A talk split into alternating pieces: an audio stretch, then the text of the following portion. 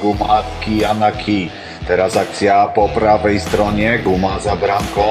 Wyprowadzenie krążka przed bramkę na środek strzał prosto w jaja. Fantastyczne uderzenie. Gołąb po jajach. Podcast. Kojot. Czy ty wiesz, od kiedy hokejiści grają z ochraniaczami na jądra? Nie. Oświeć mnie. 1874 rok. 1874 rok. Więc już wtedy wiedzieli, że gumą po jajach boli. Witamy w odcinku numer 3. Amen. Witamy Was w odcinku numer 3. To jest taki odcinek, powiedzmy, emergency, nazwijmy to, ponieważ normalnie chcemy, ch- chcemy, żeby te odcinki pojawiały się mniej więcej co tydzień. A i pewnie z tym będzie różnie. Natomiast wydarzyło się w tym tygodniu parę takich rzeczy jeszcze z- z, z racji playoff, nie? Tak, E, słuchajcie, afera goni aferę. Po prostu aż, aż, aż ciężko stwierdzić, cięż- ciężko wybrać temat na początek. No, to prawda. Zaczęło się bardzo dużo, dlatego ten podcast, nawet jeśli wyjdzie trochę krótszy, to się nie gniewajcie. Nie będziemy w nim też bardzo poruszać kwestii wyników, bo te poruszymy na pewno jeszcze na dniach e, w tym naszym podcaście właściwym. Także wydaje mi się, że możemy zacząć, nie? Grzesiu, Grzesiu był Tak. tu głównym prowodyrem, także zebranie zarządu rozpocznie Kociuba Grzegorz. Tak, jak na początek chcę stwierdzić, że od, oglądam e, NHL i hokej i, i, i- i playoffy od 1999 roku tak w pełni świadomie w miarę. Znaczy wtedy byłem gówniakiem jeszcze, bo miałem 12 lat, jak to zaczynałem to oglądać i w ogóle w co grać, ale oglądam to od 99 roku i kurwa nie pamiętam, żeby poziom sędziowania był tak niski jak teraz to, co się odwala z sędziowaniem w tym roku, to to jest jakaś po prostu masakra. Co ty o tym sądzisz, Kojocie?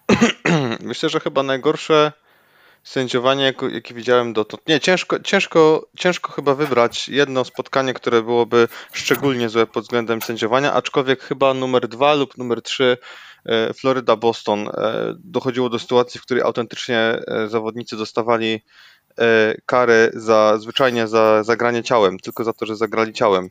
I tu wchodzi taka moja trochę dusza spiskowca, która każe mi się zastanawiać, czy przypadkiem nie jest to jakiś taki tajny, chytry plan samej góry NHL, żeby tak pomalutku, aczkolwiek sukcesywnie e, wyplenić już nie, nie same bójki z hokeja, bo to generalnie im się jako tako udaje, ale grę ciałem jako taką na korzyść szybkich, e, zwinnych zawodników, których zadanie będzie tylko strzelać bramki, asystować, bo oczywiście tylko to nam się podoba, prawda? Dlatego wszyscy oglądamy tak, kobiecy Ale- hokej. A, a, a, a, widziałeś, co się wydarzyło?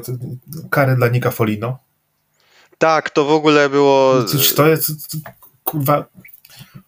Ja, z, roz, ja nie- z nie rozkwaszonym nosem, nie? Jeszcze, je, jeszcze on z rozkwaszonym nosem i jeszcze, jeszcze dostał karę. Dobrze pamiętam? To o to chodziło? Tak, tak. To, no generalnie sytuacje, które dwa lata temu normalnie by przeszły jako sytuacja meczowa i, i gra, na, gra na styku i, i, i ostra gra po prostu i, i tyle, to teraz jest o, traktowane jako naj, największa zbrodnia, mam wrażenie. To jest y, masakra. E, widziałem bardzo dużo takich e, sytuacji e, w meczu, właśnie w całej serii Tampa-Toronto, gdzie bardzo momentami, ale to bardzo trudno. Przy całej mojej antypatii do Toronto, mimo wszystko ja staram się nie być zwolennikiem teorii spiskowych, staram się niczego nie zwalać na sędziów, ale bardzo, bardzo trudno było momentami mieć, nie mieć wrażenia, że e, no, sędziowie e, mają w sercu e, niebieski liść klonu. E, dziwacznie uznawane albo nieuznawane bramki. E, nie były faule. E, coś coś absolutnie niesamowitego. A, a z drugiej strony można powiedzieć to samo o, o Wesie McLeyu, który mimo, że robi sobie sędziowskie show w śmieszny sposób przedstawi karę. No tak, zauważmy, że Tampa nie przegrała chyba z siedmiu albo ośmiu meczy, kiedy on ich sędziuje. Hmm. I pierwszy mecz mogliśmy zauważyć to, że po prostu tam, Tampa wygrała wtedy 7-3, tak? Co się śmialiśmy, Mhm. że Toronto znowu, znowu daje dupy po całości. Tak.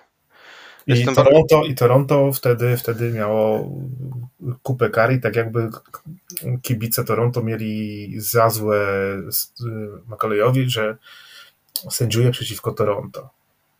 I przyszedł mecz numer dwa i było zupełnie odwrotnie. I wtedy mogliśmy zobaczyć dwa razy więcej zawodników Tampy na ławce kar no, niż Toronto. Tak, to Bo był prawda. taki moment, że oni się tam siedzieli we trójkę. Dodatkowo Mhm. jeszcze się kłócili z, kłócili z fanami. Więc tu pyta, moje, moje pytanie brzmi, kurwa, czy, to, czy oni w jakiś sposób nie, nie wpływają na te mecze? I skąd Ja się się- to bierze? Martwi mnie to w ogóle, bardzo zmartwiła mnie sytuacja między Islanders a Hurricanes. E, Kiedy to Jordan Martinuk zamachnął się, ja nie mówię, że specjalnie, bo zrobił to z pewnością niespecjalnie, odwracając się, zamachnął się kijem, e, ponieważ po prostu chciał pojechać w przeciwnym kierunku. E, I nie wiem, komu to konkretnie zasunął wtedy, z, z Mayfieldowi, tak, z Islanders. Zasunął łopatką przez pysk. I nie byłoby z tym nic dziwnego, to się zdarza. Natomiast powala mnie fakt, że sędzia stał, żeby was nie skłamać, 3 metry od całego wydarzenia, nie odgwizdał nic, w ogóle nie drgnął. To jest e, po prostu niesamowita sprawa. Jedyna decyzja, z którą byłem w stanie się zgodzić, e, to był atak Michaela Buntinga, który Michael Bunting jest kretynem, nie czarujmy się, to idiota. I zagranie z łokcia prosto na głowę, bez krążka, bez w ogóle zamiaru zagrania tym krążkiem jest e, absolutnie skandaliczne. To musiało zostać odgwizdane i nie, nie, nie było bata. Natomiast e, zagranie, Boże, nie pamiętam kto z 22 numerem gra w Toronto. Jak znajdziesz Grzesiu, to proszę znajdź mi. Natomiast zagranie na zawodniku Tampy ponownie, łokieć na głowę, e, nie pamiętam czy na Cernaku, czy, czy, czy na którym to było zagranie, było po prostu skandaliczne. Też działo się bardzo blisko sędziów i nic w związku z tym się nie stało. E, Jest to porażające, ale z drugiej strony przyznam wam się szczerze, że ani trochę mnie nie dziwi. Jake McCabe, numer 22. Jack McCabe, okej, no to ani trochę mnie to nie dziwi.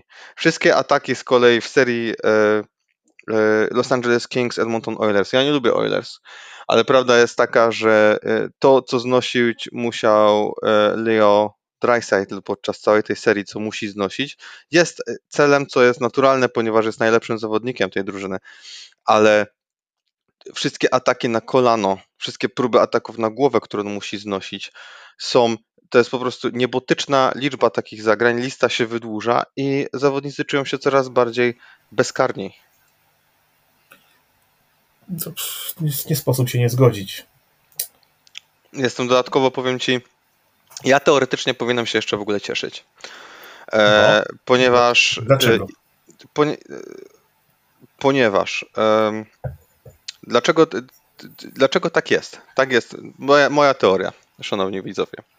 E, hokej jest najszybszą wersją siebie, od kiedy istnieje coś takiego jak hokej na lodzie. Z tym się zgodzimy, nie Grzesiek? Tak, tak. No jest, Hokej zapierdala jak nigdy. E, Jest szybko, jest niesamowicie e, agresywnie pod względem jazdy na łyżwach. Technicznie i bramkarze i zawodnicy nigdy nie byli na tak wysokim poziomie. To nigdy nie był sport tak atletyczny jak teraz. W związku z tym ilość błędów sędziowskich musi się zwiększyć, ponieważ zwiększyło się tempo gry.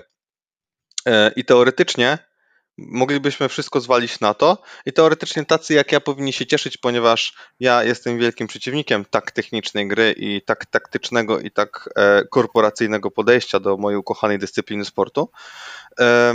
Natomiast powinienem się cieszyć, ponieważ ilości błędów sędziowskich prowokują ilość samosądów, prowokują ilość brutalnych zagrań, w efekcie powodują e, większą ilość bujek. Natomiast nie bawi mnie to, ponieważ ja chcę pojedynków na pięści, ja chcę bardzo twardych zagrań, ale ja nie chcę świń na lodzie. Ja nie chcę ataków na kolano wynikających z bezsilności, ja nie chcę ataków na głowę wynikających z bezsilności albo z bezkarności.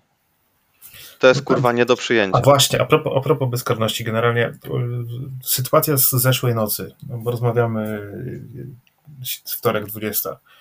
A Sytuacja z zeszłej nocy, jak Kyle McCarr rozsmarował Jareda McCanna o, bandę.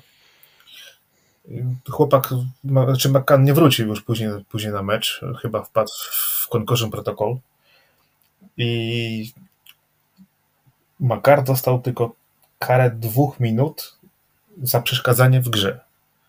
Kiedy tak naprawdę był to boarding, ale to nie był boarding celowy, ponieważ e, jak już sobie później to analizowałem, Makar próbował tak jakby schitować McCanna w walce o krążek. Tylko tego krążka tam nie było. Dlaczego? Bo mieliśmy po drodze y, krzywe odbicie o, o, o fragment lodu i ten krążek po prostu się znalazł gdzieś w zupełnie innym miejscu w kosmosie, a Mhm. Makar po prostu tego nie zauważył.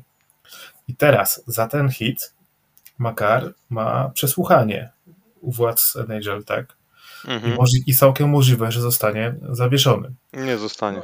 I ja, Oczywiście, że nie zostanie. Tego nie wiemy.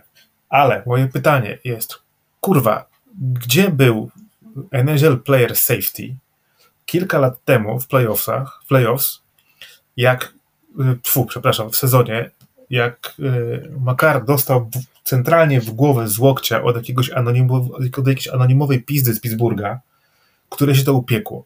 A Makar później spędził kilka tygodni Mhm. ze wstrząsem mózgu. Więc gdzie tu jest kurwa jakaś jakakolwiek sprawiedliwość? E, Mnie zawsze zastanawia, dlaczego w Departamencie do Spraw Bezpieczeństwa Zawodników zawsze pracują, y, y, pracują ludzie, którzy w czasach swojej kariery NHL byli największymi świniami. Bo teraz jest to Paros, prawda? Jeśli dobrze kojarzę. Tak, tak, E, tak. Wcześniej był to Brenton Shanahan.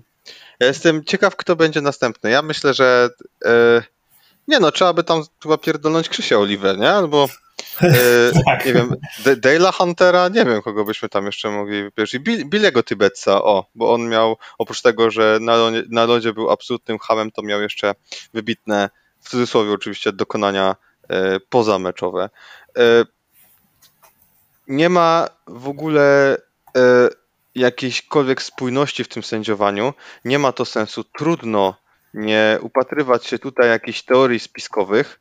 E, tylko właśnie, ja mam straszną ochotę mówić, że sędziowie sęd- sędziują masło maślane, że sędziowie uprawiają tutaj propagandę na korzyść Toronto, ale kłamałbym, ponieważ Tampa równie często jest e, traktowana w cudzysłowie sprawiedliwiej, tak? Rzeczone kwestia Markusa Folino, tak? Który, który e, dosłownie obry, obrywa kijem w locie i jeszcze uderza o bandę. I w związku z tym nic. Co oni mają robić? W związku z tym nic dziwnego, że, nik- że Markus Folino wściekły drze japę na całą ławkę Dallas i szuka winnych i znajdzie ich, choćby był to najbardziej niewinny zawodnik e, e, z całej fazy playoff. Natomiast nie, ja nie wiem, co się dzieje. To jest, to jest po prostu niesamowite. NHL ma potworny, potworny problem z tymi sędziami. I ja nie wiem, czy I NHL. tutaj, I tutaj właśnie wchodzi kolejna, kolejna teoria. Trzeba się zastanowić i sprawdzić, jak wielu doświadczonych sędziów w ciągu ostatnich dwóch lat odeszło na emeryturę. I ktoś ich musiał zastąpić. I zastąpili ich sędziowie młodzi i często są to żółto dzioby ze stażem ledwo 5 lat. I, i, i oni są wyznaczani teraz do, do meczy playoff, kiedy wcześniej nie mieli w ogóle podejścia do tej fazy. Oni, oni sędziowali w Hmm. sezonie regularnym. Ale myślę, że to po prostu wymiana pokoleniowa i trzeba Myślę, czasu, że- żeby oni się wyrobili, czy. Myślę, że NHL popełniło pewien błąd w, w międzyczasie i, i ten przeskok pokoleniowy nadszedł zbyt gwałtownie. Czyli mieliśmy sędziów ze stażem 20-30-letnim, którzy na playoff zjedli zęby. Oni nagle pozakańczali kariery i okazało się, że kurwa, nie mamy sędziów z doświadczeniem. I teraz sędziują właśnie tacy goście, którzy w lidze są od 6-7 lat. Którzy tak naprawdę tego, tego grania w playoff dopiero się uczą. Mhm. I co więcej, w sezonie regularnym trzeba było też załatać dziurę po tych sędziach, którzy, którzy tak jakby e, odeszli na emerytury. Mhm. Trzeba było wziąć nowych. Więc tak naprawdę mamy etap, że ci sędziowie się uczą Oni Trzeba- mogli sędziować niżej przez wiele lat, ale to jest jednak Mhm. poziom menedżera, to się nie oszukujmy, nie? Tak, trzeba pamiętać, że, że, że sędziowanie w NHL to jest trochę, ale przynajmniej powinno być tak jak w amerykańskim systemie sądowniczym, nie? że kiedy jesteś sędzią, bycie sędzią jest już zwieńczeniem kariery. To jest taki wisienka na torcie tego, co Tak. robisz przez całe życie. Tak, Podobnie oczywiście. przynajmniej w teorii powinno być w NHL, gdzie ty sędziujesz już na najwyższym poziomie, to możesz sędziować zawodników na najwyższym poziomie. E, I będę się upierał też, że na pewno jest to wina po części tego, że ta gra niesamowicie przyspieszyła. E, Zawsze była ta taka słynna batalia nie? między tym, kto będzie tym razem lepszy w tym sezonie, czy to będzie bramkarz, czy to będzie zawodnik. W tym Mhm. roku ewidentnie są to zawodnicy ale w tym wszystkim na trzecim miejscu w tyle pozostali bardzo poważni teraz sędziowie. E, zastanawiam się, w jakim kierunku to pójdzie, ponieważ to już, to już jest zwyczajnie niebezpieczne. W sensie, ja jestem wielkim fanem hokeja z lat 90. Nie jestem do końca przekonany, czy my jesteśmy gotowi na powrót hokeja z lat 90. Przede wszystkim e, nie wiem, czy zawodnicy są gotowi na powrót hokeja z lat 90. Wiesz co, zastanawiam naszła mnie właśnie ochota, żeby sprawdzić ilość bujek w tym sezonie, a, a w zeszłym. Bo Jeśli dobrze pamiętam, one są, one są w miarę porównywalne.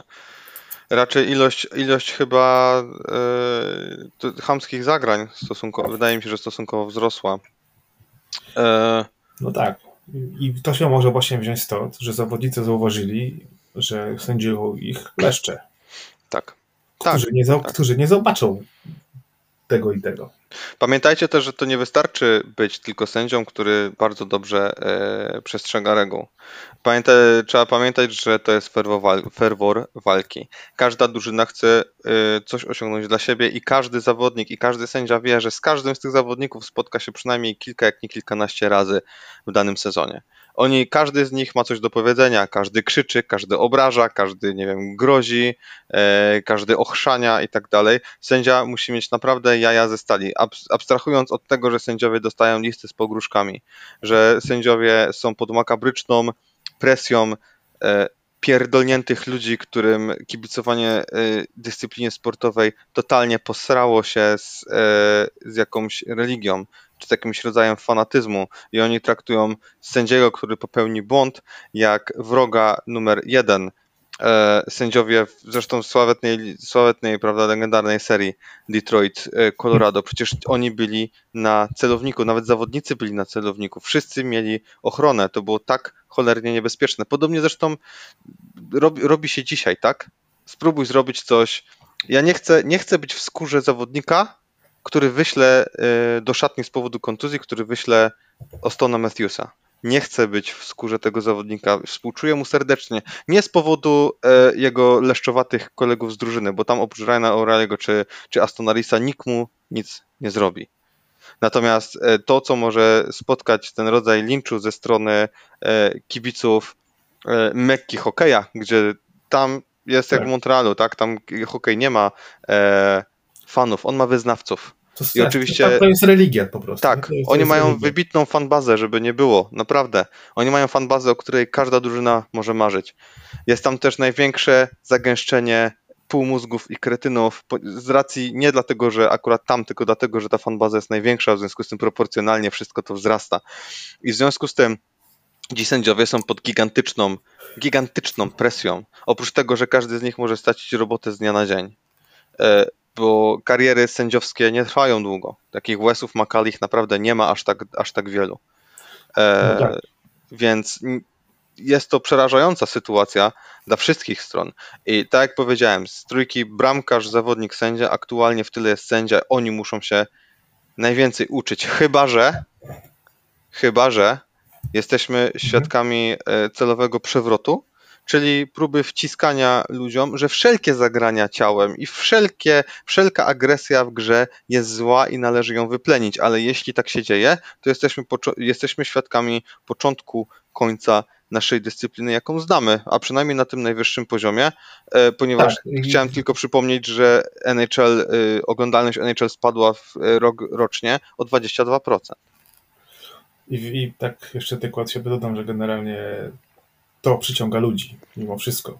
i wyeliminowanie tego może być tak jakby pętlą na szyję na przykład Batmana. Bo jeżeli naprawdę zacznie oglądalność spadać i ludzie przestaną przychodzić na, na mecze, to coś tu jednak będzie grubo nie tak. Ja, w ogóle y, to jest, to jest niesamowite, y, co się dzieje. I teraz oczywiście pewnie zostaną oskarżone jakieś tam seksizm, nie seksizm, tak dalej. W dupie to mam, dlatego że hokeistki to są twarde baby. Poznałem wiele hokeistek, to są twarde baby z jajami i one się nie obrażają. Także do tych, którzy się aktualnie obrażają, polecam wrócić do piwnicy rodziców. E, to polega e, na tym, że oczywiście, że mamy hokej, w którym kontakt jest zabroniony, oczywiście, że mamy hokej bez bujek, oczywiście, że mamy bezpieczny, trochę wolniejszy, ale bezpieczny hokej. I to jest hokej na lodzie kobiet. I z całym szacunkiem dla, i wielkim szacunkiem, który mam do Was, yy, dziewczyny hokeistki, kurwa, nikt tego nie ogląda. Przepraszam, ja jestem wielkim fanem, zwłaszcza naszej reprezentacji. E, rozpierdoli was Martyna Sas, zawsze to powtarzam, jestem wielkim fanem naszej bramkarki, ona jest najlepsza.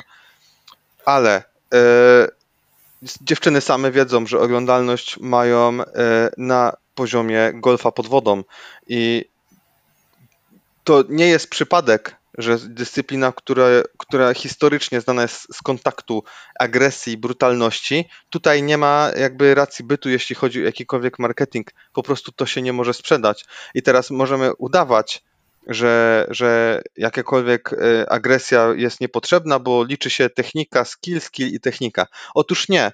Otóż Conor McDavid ma 150 punktów i nikt tego kurwa nie ogląda. Nikt, 22%. Rozumieć? Oglądają to ludzie, którzy o Konorze McDavidzie wiedzieli już 10 lat temu. Nowi nie przychodzą, a jak przychodzą, to w jakimś zatrważającym tempie i możemy sobie wmawiać, że jest inaczej. Ja nie Tak, mówię, Zawsze to... fajnie jest obejrzeć sobie no, super akcje, wiesz, TikTok. Oczywiście. To, jak, jak, jak, jak wiesz, rozpy... jedna drużyna rozpykuje obronę drugiej. Ale ten ładunek emocjonalny, który dają hity, tego się nie da zastąpić i tego nie ma w żadnym innym sporcie. I to właśnie sprawia, że hokej jest wyjątkowy. Tak. dokładnie. Zabierzesz, zabierzesz y, zagrania ciałem z hokeja, to stworzysz drugą koszykówkę. Kurwa, tego nie chcemy. Mm, Nie, na, naprawdę tego nie chcemy. Albo skoki ci- narciarskie. W tym temacie postawię kropkę. I O przechodzimy, matko i boska, przecho- kurwa. i To naprawdę zrobiłeś. tak. o Jezu. I przechodzimy dalej. I przechodzimy dalej. Kolejny temat, który, który tak jakby rozpala. e, Kurwa, ja bym chciał, stary, żebyśmy kiedyś dorobili się takiej oglądalności, żeby w trakcie, e, w przerwie jakaś gwiazda disco polo polecała jakiś produkt rolny. Ja pamiętam, że był chyba... Kto to był? Zenek Martyniuk i pamiętam, kurwa, bezbłędną, reklamę, którą on powiedział i tu cytuję Polecam kulki na wielkie karpie. Kurwa, ja, po, ja to sam to obejrzałem z jakiejś... Ja nie wiem, ile to ma kilkadziesiąt czy kilkaset tysięcy wyświetleń. Przysięgam, sam, kurwa, chyba nabiłem z 30, nie? Ale, ale nie wszystkie firmy, które sprzedają sprzęt hokejowy, tego mają na sobie uwadze, bo jesteśmy idealnym miejscem do reklam suspensorów. Tak, jesteśmy. Dokładnie, dokładnie. Tak. I nawet rozmawiamy z hokeistami, którzy tego nie robili, a potem powiedzieli, że brzuch ich bolał. Grzesiu, następny temat. Co tam mamy? E, Walerii Nieciuszkin. O, pan, pan nakreśli, pan nakreśli temat, bo to pana dziedzina. i wielka, taj- i wielka tajemnica zniknięcia. Otóż y, tuż przed meczem numer jeden w Seattle, czyli meczem numer 3 serii, y, Walerii Nieciuszkin zniknął. I tak naprawdę nie wiadomo było, co się, co się z chłopakiem stało. Wiadomo było, znaczy, informacje kapały i kapią nadal. Co się, co, co się mogło stać. I na pewno nie była to kontuzja, co było wiadomo już przed meczem i ponoć chodziło o sprawy osobiste.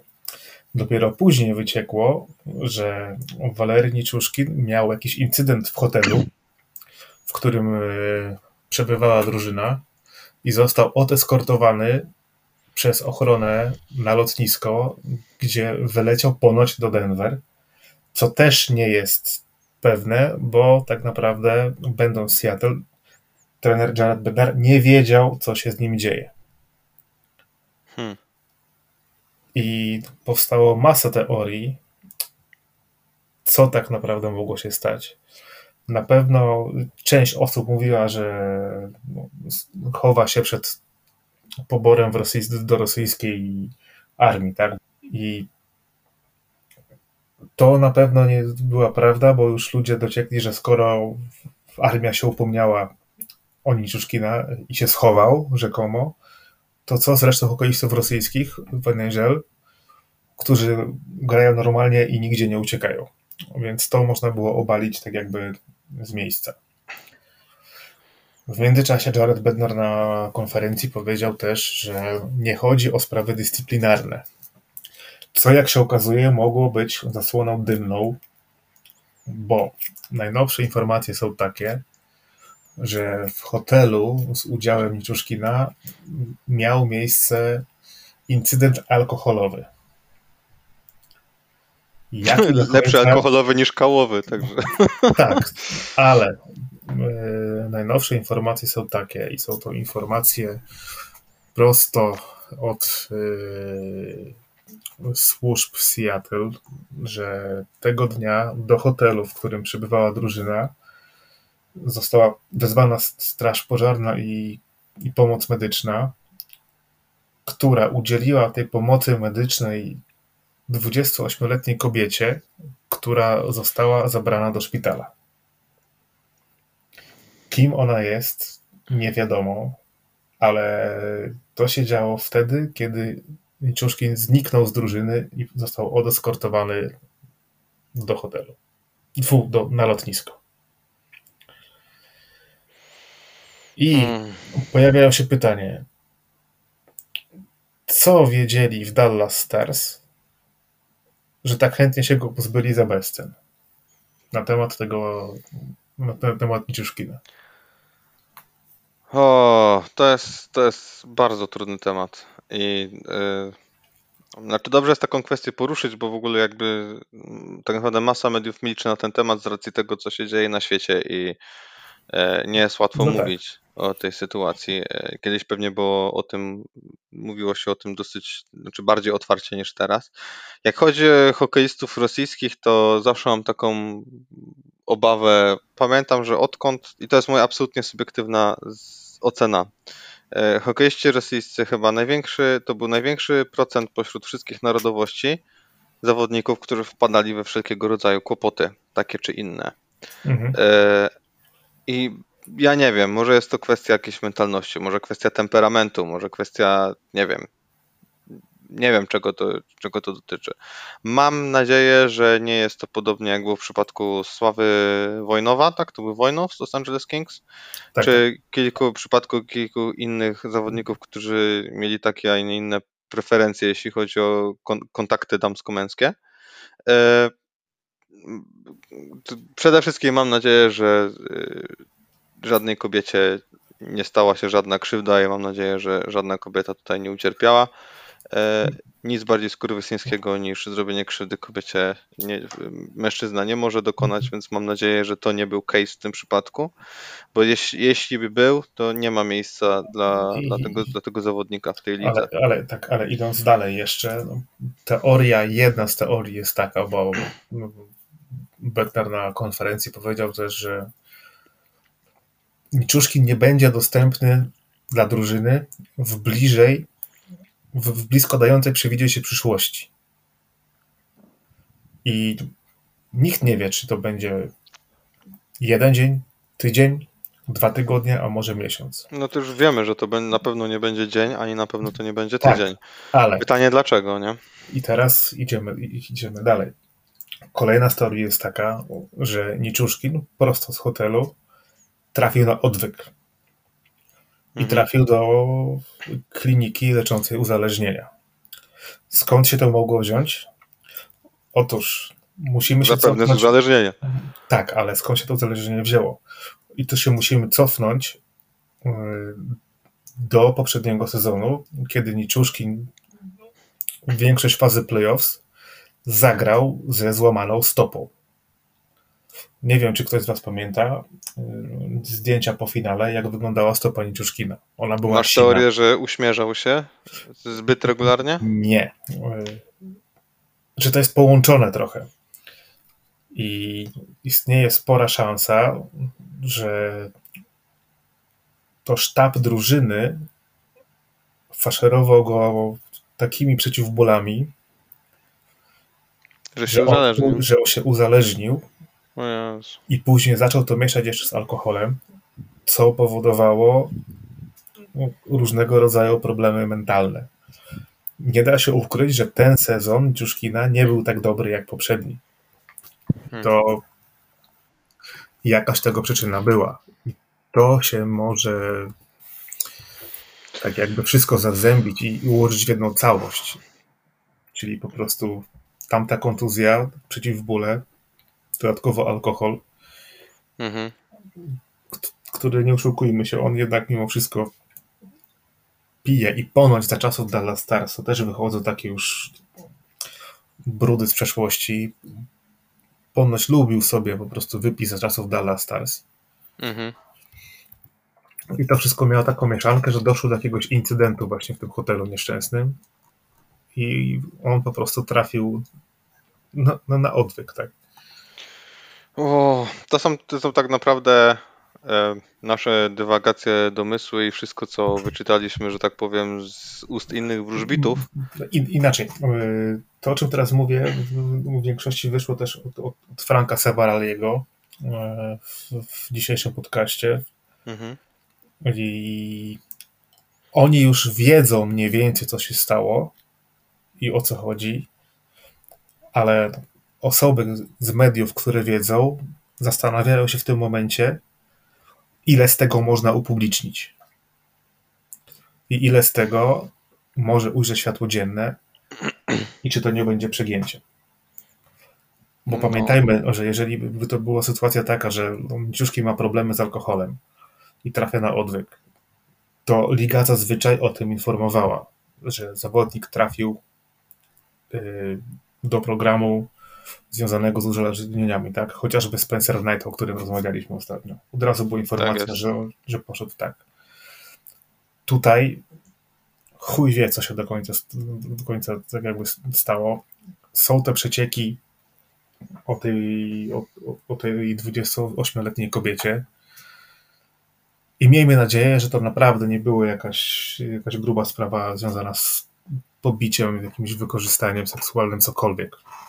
Bo No to są bardzo, bardzo, bardzo duże słowa, nie? I wydaje mi się, że wydaje mi się, że e, kurwa, to, to, są takie, to są takie momenty, w których człowiek trochę nie wie, co zrobić, bo z jednej strony nic nie wiemy, z drugiej strony pewnym można być, że coś się wydarzyło i na 99% nie było to fajne.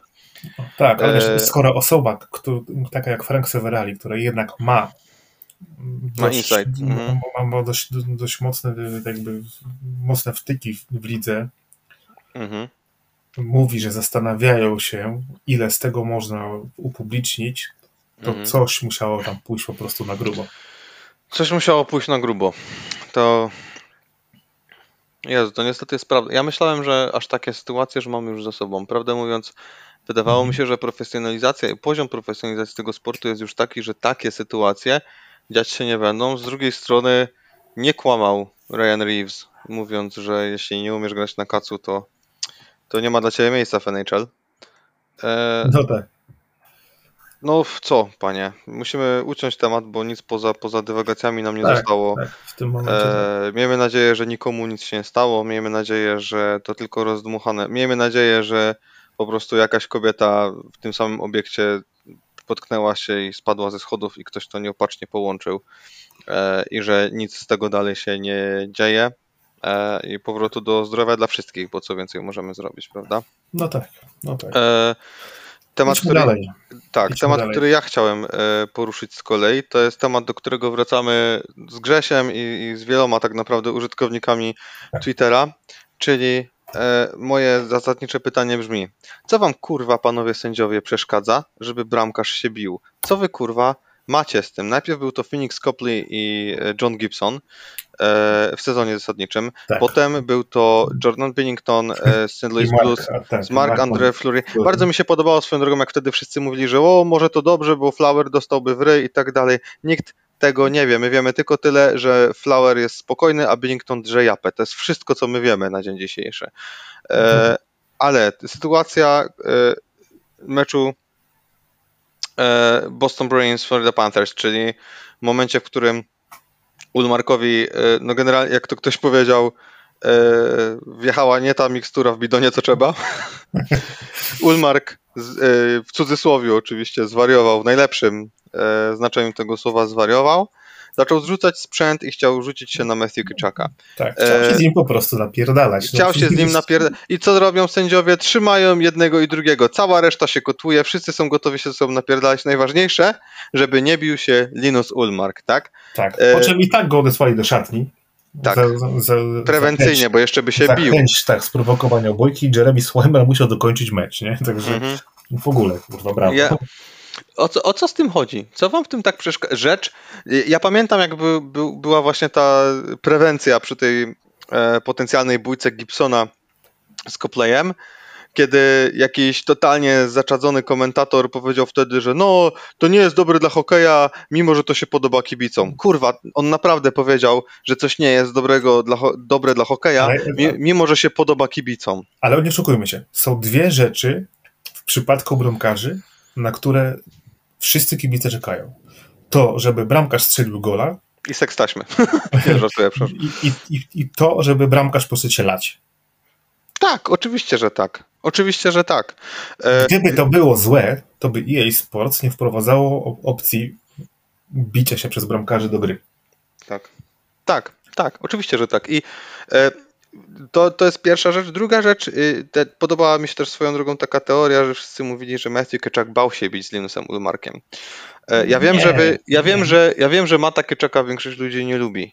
Ale jeśli ktoś śledzi jego karierę cho- choć trochę i twierdzi, że Matt Keczak boi się bić, I to z bramkarzem. Tak, to polecam wrócić drugi raz do tej piwnicy rodziców, którzyście przed chwilą z niej wyszli, żeby mi powiedzieć, że już e, odbyliście karę. Nie, Tak, nie odbyliście. tak, Spierdalać z powrotem. To pewnie macie ogórki, które możecie wpierdalać całą noc. W piwnicach. Ty- I kartofle. I Tak. te, y, więc natomiast y, co przeszkadza y, lidze tak bardzo bójkach bramkarzy, że tak bardzo temu zapobiega. W ogóle, że w ogóle ci bramkarze chcą. To jest tak rzadki proceder, że bramkarze tego chcą, a nagle się okazuje, że to jest punkt kulminacyjny, temu trzeba się przeciwstawiać w każdej możliwej formie. To jest zawsze złe. W jakim, w którym wymiarze stwierdzono, że to jest złe? Po pierwsze, bójki bramkarzy zazwyczaj kończą się najszybciej. Oni mają na sobie kilkanaście kilo sprzętu. To nie jest takie proste się nie wypierdolić. Ciężkiego i mokrego Tak, bijąc się, jest ciężko, naprawdę ciężko jest się nie wypierdolić. E, jeśli ktoś pamięta, ja, znaczy w moich Kojotach grał niejaki Mike Smith, który bardzo lubił ten sport. I on był jednym z najlepszych w tym temacie. A i w jego przypadku te bójki były krótkie, bo one nie mają prawa trwać długo, żeby ci bramkarze w ogóle dotknęli się, żeby jakiś cios doszedł czy coś. Trzeba się naprawdę, naprawdę spocić i zazwyczaj kończy się to tylko i Tak. wyłącznie upadkiem. Bramkarze są już tak wykończeni przez cały mecz, że to naprawdę nie potrwa długo. I to jest A- naprawdę ułomność sędziów. A propos ułomności sędziów, to właśnie, właśnie na, na, przekaz pół na żywo. Makar został zawieszony na jeden mecz. Kurwa. Oficjalna informacja. No. Yy, słusznie, niesłusznie, Grzegorzu? Oczywiście, że niesłusznie. To nie A, było- ty lubisz Colorado, ty byś, ty Nie, byś, ma, nie, ty byś nie. Makarowi, wiesz. Nie, nie, nie, nie. nie. Są, są, są, są rzeczy, które można akceptować, a- które nie. W przypadku takiego hita, w, nawet jeżeli byłoby to Detroit, Minnesota, które szczerze nie lubię, to to nie. Nie, no oczywiście, masz rację, jakby wszystko No. ma swoje... Te jakieś, w ogóle ciekawe to jest, że są jakieś takie podwójne standardy, tylko my, cholera jasna, nie możemy tego skierować naprzeciwko jednej drużynie, albo przeciwko drugiej drużynie, Tak. więc teoria się robi taka, że ci sędziowie są po prostu z dupy. Nawet oni, jeśli, jeśli nawet to totalnie teoria spiskowa, nie mam na to dowodów. e, W ogóle nie mówię, że to jest prawda. Totalnie wyciągam to e, z chmurek. Gdyby się okazało, że sędziowie NHL mają za zadanie ustawiać spotkania i to są ich próby ustawiania spotkań, to kurwa te wszystkie koperty to by musieli oddawać w zębach. E, bo nie wiadomo, jeśli by grali na czyjąś korzyść, to nawet, nawet nie można ich o to oskarżyć specjalnie, ponieważ nie wiadomo na czyją korzyść oni grają, ponieważ partaczą po jednej i po drugiej stronie. Jest, No tak. Jestem po prostu e, absolutnie No, zszokowany tym, co się dzieje. Można uznać, że, że, że, że niepozwalanie bramkarzom na bójki jest tak samo partaczeniem i, i niszczeniem tej gry po prostu. Tak, w ogóle ograniczanie bujek to jest, bo to, że one się mogą same wyeliminować, to jest jedno, natomiast celowe ograniczanie to jest, to jest inna rzecz i pewnie jeszcze sobie o tym, Także pewnie jeszcze nie jeden podcast na ten temat e, poruszymy. Powstanie, tak, tak, tak. Czy jest jeszcze jakiś temat, który chcieliśmy poruszyć, tak Grzegorzu? E, Czy, tak, kojacie. Czy, czy, czy ty, będąc właścicielem, nie właścicielem, menedżerem drużyny, kurwiłbyś na fanów drużyny, drużyny przeciwnej? Mm, powiem ci tak, to nie jest przypadek, że nie jestem menadżerem drużyny. Bo nakreśl sytuację, Grzegorzu. O, o, o, otóż w, w meczu numer 3 w, w Tampie menedżer Toronto Kai Dubas wdał się w potyczkę słowną pełnej kurewfaków i, i innych określeń po angielsku na oddal się w pośpiechu. Kontrowersja trochę tak, bo wydawałoby się, że ktoś taki jak me- menedżer generalny drużyny nie powinien się w taki sposób zachowywać generalnie. On prowadzi drużynę, on jest odpowiedzialny za za tak naprawdę wszystko, za trenerów, za zawodników. On reprezentuje tą drużynę swoją twarzą, tak?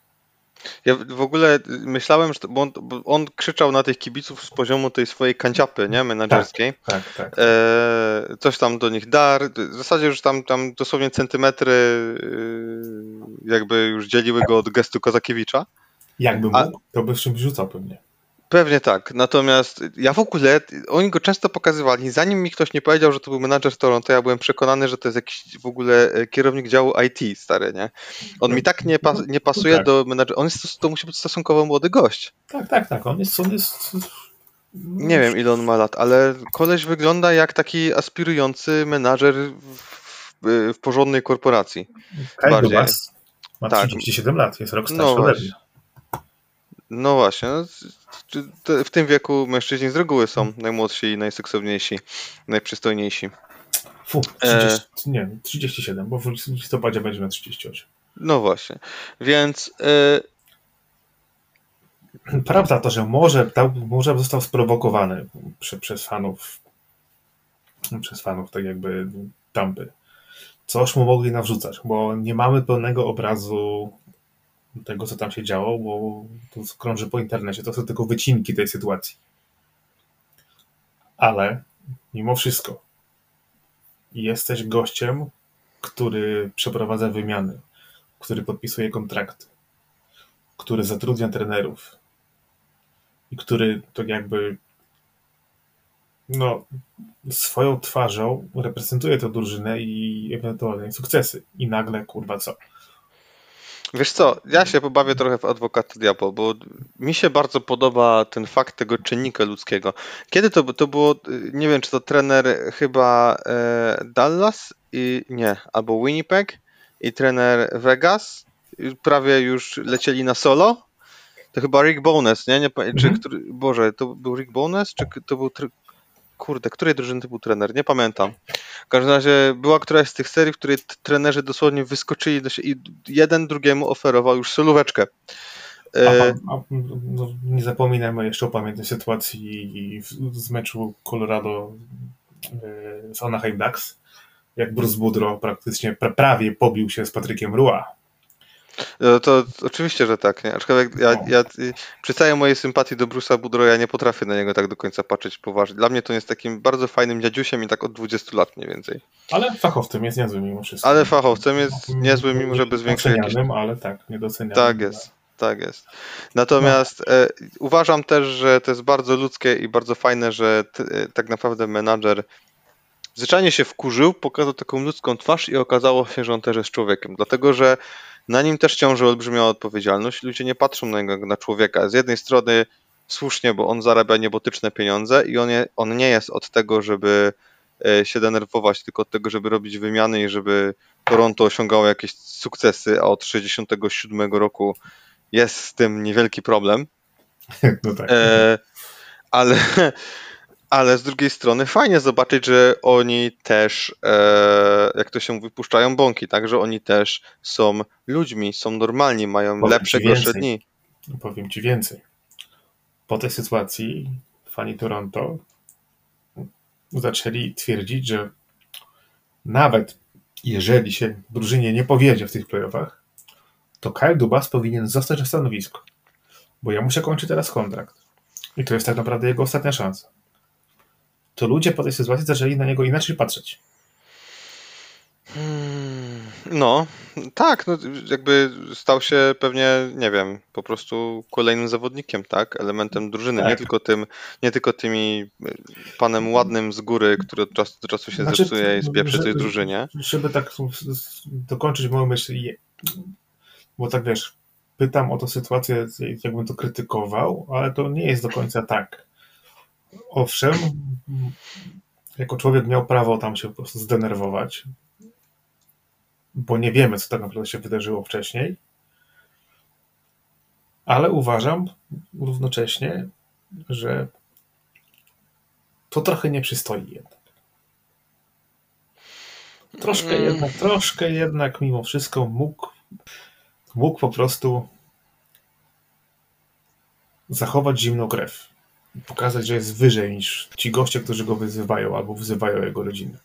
To był wyżej fizycznie. No tak, tak, ale chodzi o to po prostu, że no, Wiem o co chodzi. dał się sprowokować, nie? Ja jestem, ja jestem większym fanem, e, zdecydowanie większym fanem Johna Tortorelli niż Bruce'a Boudreau. Dla mnie okazywanie takich e, prawdziwych emocji i takiego wkurwu i takiej furii, pasji jest nieodzownym elementem tego sportu i dopóki nas wszystkich, panie i panowie, kurwa mać nie zastąpił chat GPT i inne cuda, to jeszcze możemy popatrzeć na realne emocje i realne frustracje. I to mówię ja, człowiek, który ma niechęć do drużyny Maple Leafs i, e, i to jest taka dusz, dusza zaszłość. I nie, nie to, to nie dlatego, że Coyote z nim nie przegrywają, ponieważ Coyote nie przegrały z nimi od półtora roku. Ale- Widziałeś co, co, na Spitting Chicklets, co się działo dzisiaj i te memy o, o Paulo Bizonet. Tak, tak, tak. Bisonet miał drągala, nie? Z okazji tego, że Toronto może awansować. No to tak, widziałem to. to Bisonet jest z Toronto, w związku z, czym, w związku z tym ciężko się dziwić. E, natomiast nie wiem, mi się takie, mi się takie prawdziwe emocje podobają. E, ja jestem fanem tego. Tak naprawdę chciałbym, żeby było tego więcej, bo to rodzi jakieś żywe interakcje. Być może sztucznie, ale trochę jednak skraca taki dystans między dyrekcją, zarządem, a tą bandą panów areczków poniżej, nie? Wydaje mi się, że to jest, to jest bardzo dobre i chyba będę tego bronił. Nie, nie bronię Toronto, dalej ich nie lubię, dalej uważam, że odpadną. Róbcie screeny. E, natomiast nie zmienia to faktu, że, że ten, że, że, że będę tego bronił. Mimo całej mojej niechęci będę, będę bronił podejścia menadżera Toronto Maple No Leafs. okej, okej. A uważasz po tym meczu, że Toronto awansuje, czy zaliczą spektakularną wpadkę? Oni, oni nie 150? wiem dlaczego musieli, musieli mi to zrobić i wyhodować jaja akurat w tym sezonie, ale Ryan O'Reilly zrobił z nich zupełnie inną drużynę, bo mogłoby nie być Matthewsa, Marnera i Tavaresa, mogłoby ich naprawdę nie być i oni prawdopodobnie w dalszym ciągu prowadziliby w tej serii teraz, to muszę niestety z bólem Mhm. serca przyznać, bo oczywiście, że Tavares, Marner i e, no może nie Tavares, ale Marner i Matthews punktują, ale to nie oni wywalczają te wszystkie sytuacje. Matthews strzela z pozycji, gdzie jest bezpieczny i samotny i cała drużyna pracuje na to, żeby on, żeby on taki mógł być. On prawdopodobnie nie ma nawet jednego zmechacenia na, swoim, e, na swojej bluzie. E, Marner goni, goni dogonić nie umie. Pracują, pracują tak naprawdę bottom six. E, pracuje na cały sukces tej drużyny, plus bramkarz, który ma masę roboty i ale to jakby wydaje mi się, że, że sobie na dniach omówimy, nie? Wszystkie wyniki, bo już tak, pewnie tak. będziemy pewni już jakichś, jakichś awansów, czy tych awansów braków. E, Ja tylko od siebie dodam na koniec, że Nie zdziwię się, jak Colorado jednak od, odpadnie w tej pierwszej rundzie. No, może tak być, może tak być. Przekonamy się, myślę, że na dniach będziemy o tym rozmawiać. Przy okazji fajnie, bo pamiętajcie, że w sobotę Polska zaczyna swoje zmagania o awans do elity i na pewno też będziemy o tym rozmawiać. O, o której jest mecz? Chyba o 12? Chyba o 12 albo 12.30 zaczyna się chyba transmisja. Okej. E, także zapraszamy Was wszystkich. E, jaki jest stan polskiego hokeja, wszyscy wiemy. Nie zmienia to faktu, że repre- reprezentacji e, kibicować trzeba. E, Dokładnie. Dzięki, że wysłuchaliście tego odcinka specjalnego. Być może co jakiś czas e, w przyszłości będą pojawiały się ekstra odcinki e, w tygodniu. Być może będą pojawiać się rzadziej, jeśli będziemy mieć jakieś przerwy wakacyjne i nie będziemy musieli, mogli patrzeć Znaczy- na te swoje ryje. Plan jest taki generalnie, że w sezonie gadamy co tydzień, w wakacje gadamy co trzy, Dokładnie. może co dwa. Będą Wakacje to wakacyjne. pewnie bardziej będziemy działać trochę na zasadzie Tak. potrzeby chwili, nie? Tak, no będzie tam wiadomo. Yy, nowe kontrakty 1 lipca. i Tak, takie inne rzeczy. Jacyś wakacyjni goście się pewnie też pojawią. A w playoffach Ja bym chciał Sanach. Kurwa, nie mam pojęcia, kto to jest do dzisiaj. Jestem, osta- pewnie jestem ostatnim człowiekiem na Ziemi, a dalej nie wiem, kto to kurwa jest. Ale ja też jestem ostatnim człowiekiem na Ziemi, który dowiedział się, kim był Justin Bieber, słowo honoru. Ja byłem naprawdę ostatnim człowiekiem. Jak on już wydawał jakiś trzeci zajebisty singiel, to ja kurwa dalej nie wiedziałem, kto to jest. Także w Stanach to Zuzanna Irena Grabowska, Dedomo Jurczak. Słyszymy się w przyszłym tygodniu. tak jest. Trzymajcie się. Pozdrowienia, cześć. Gołąb po jajach. Podcast.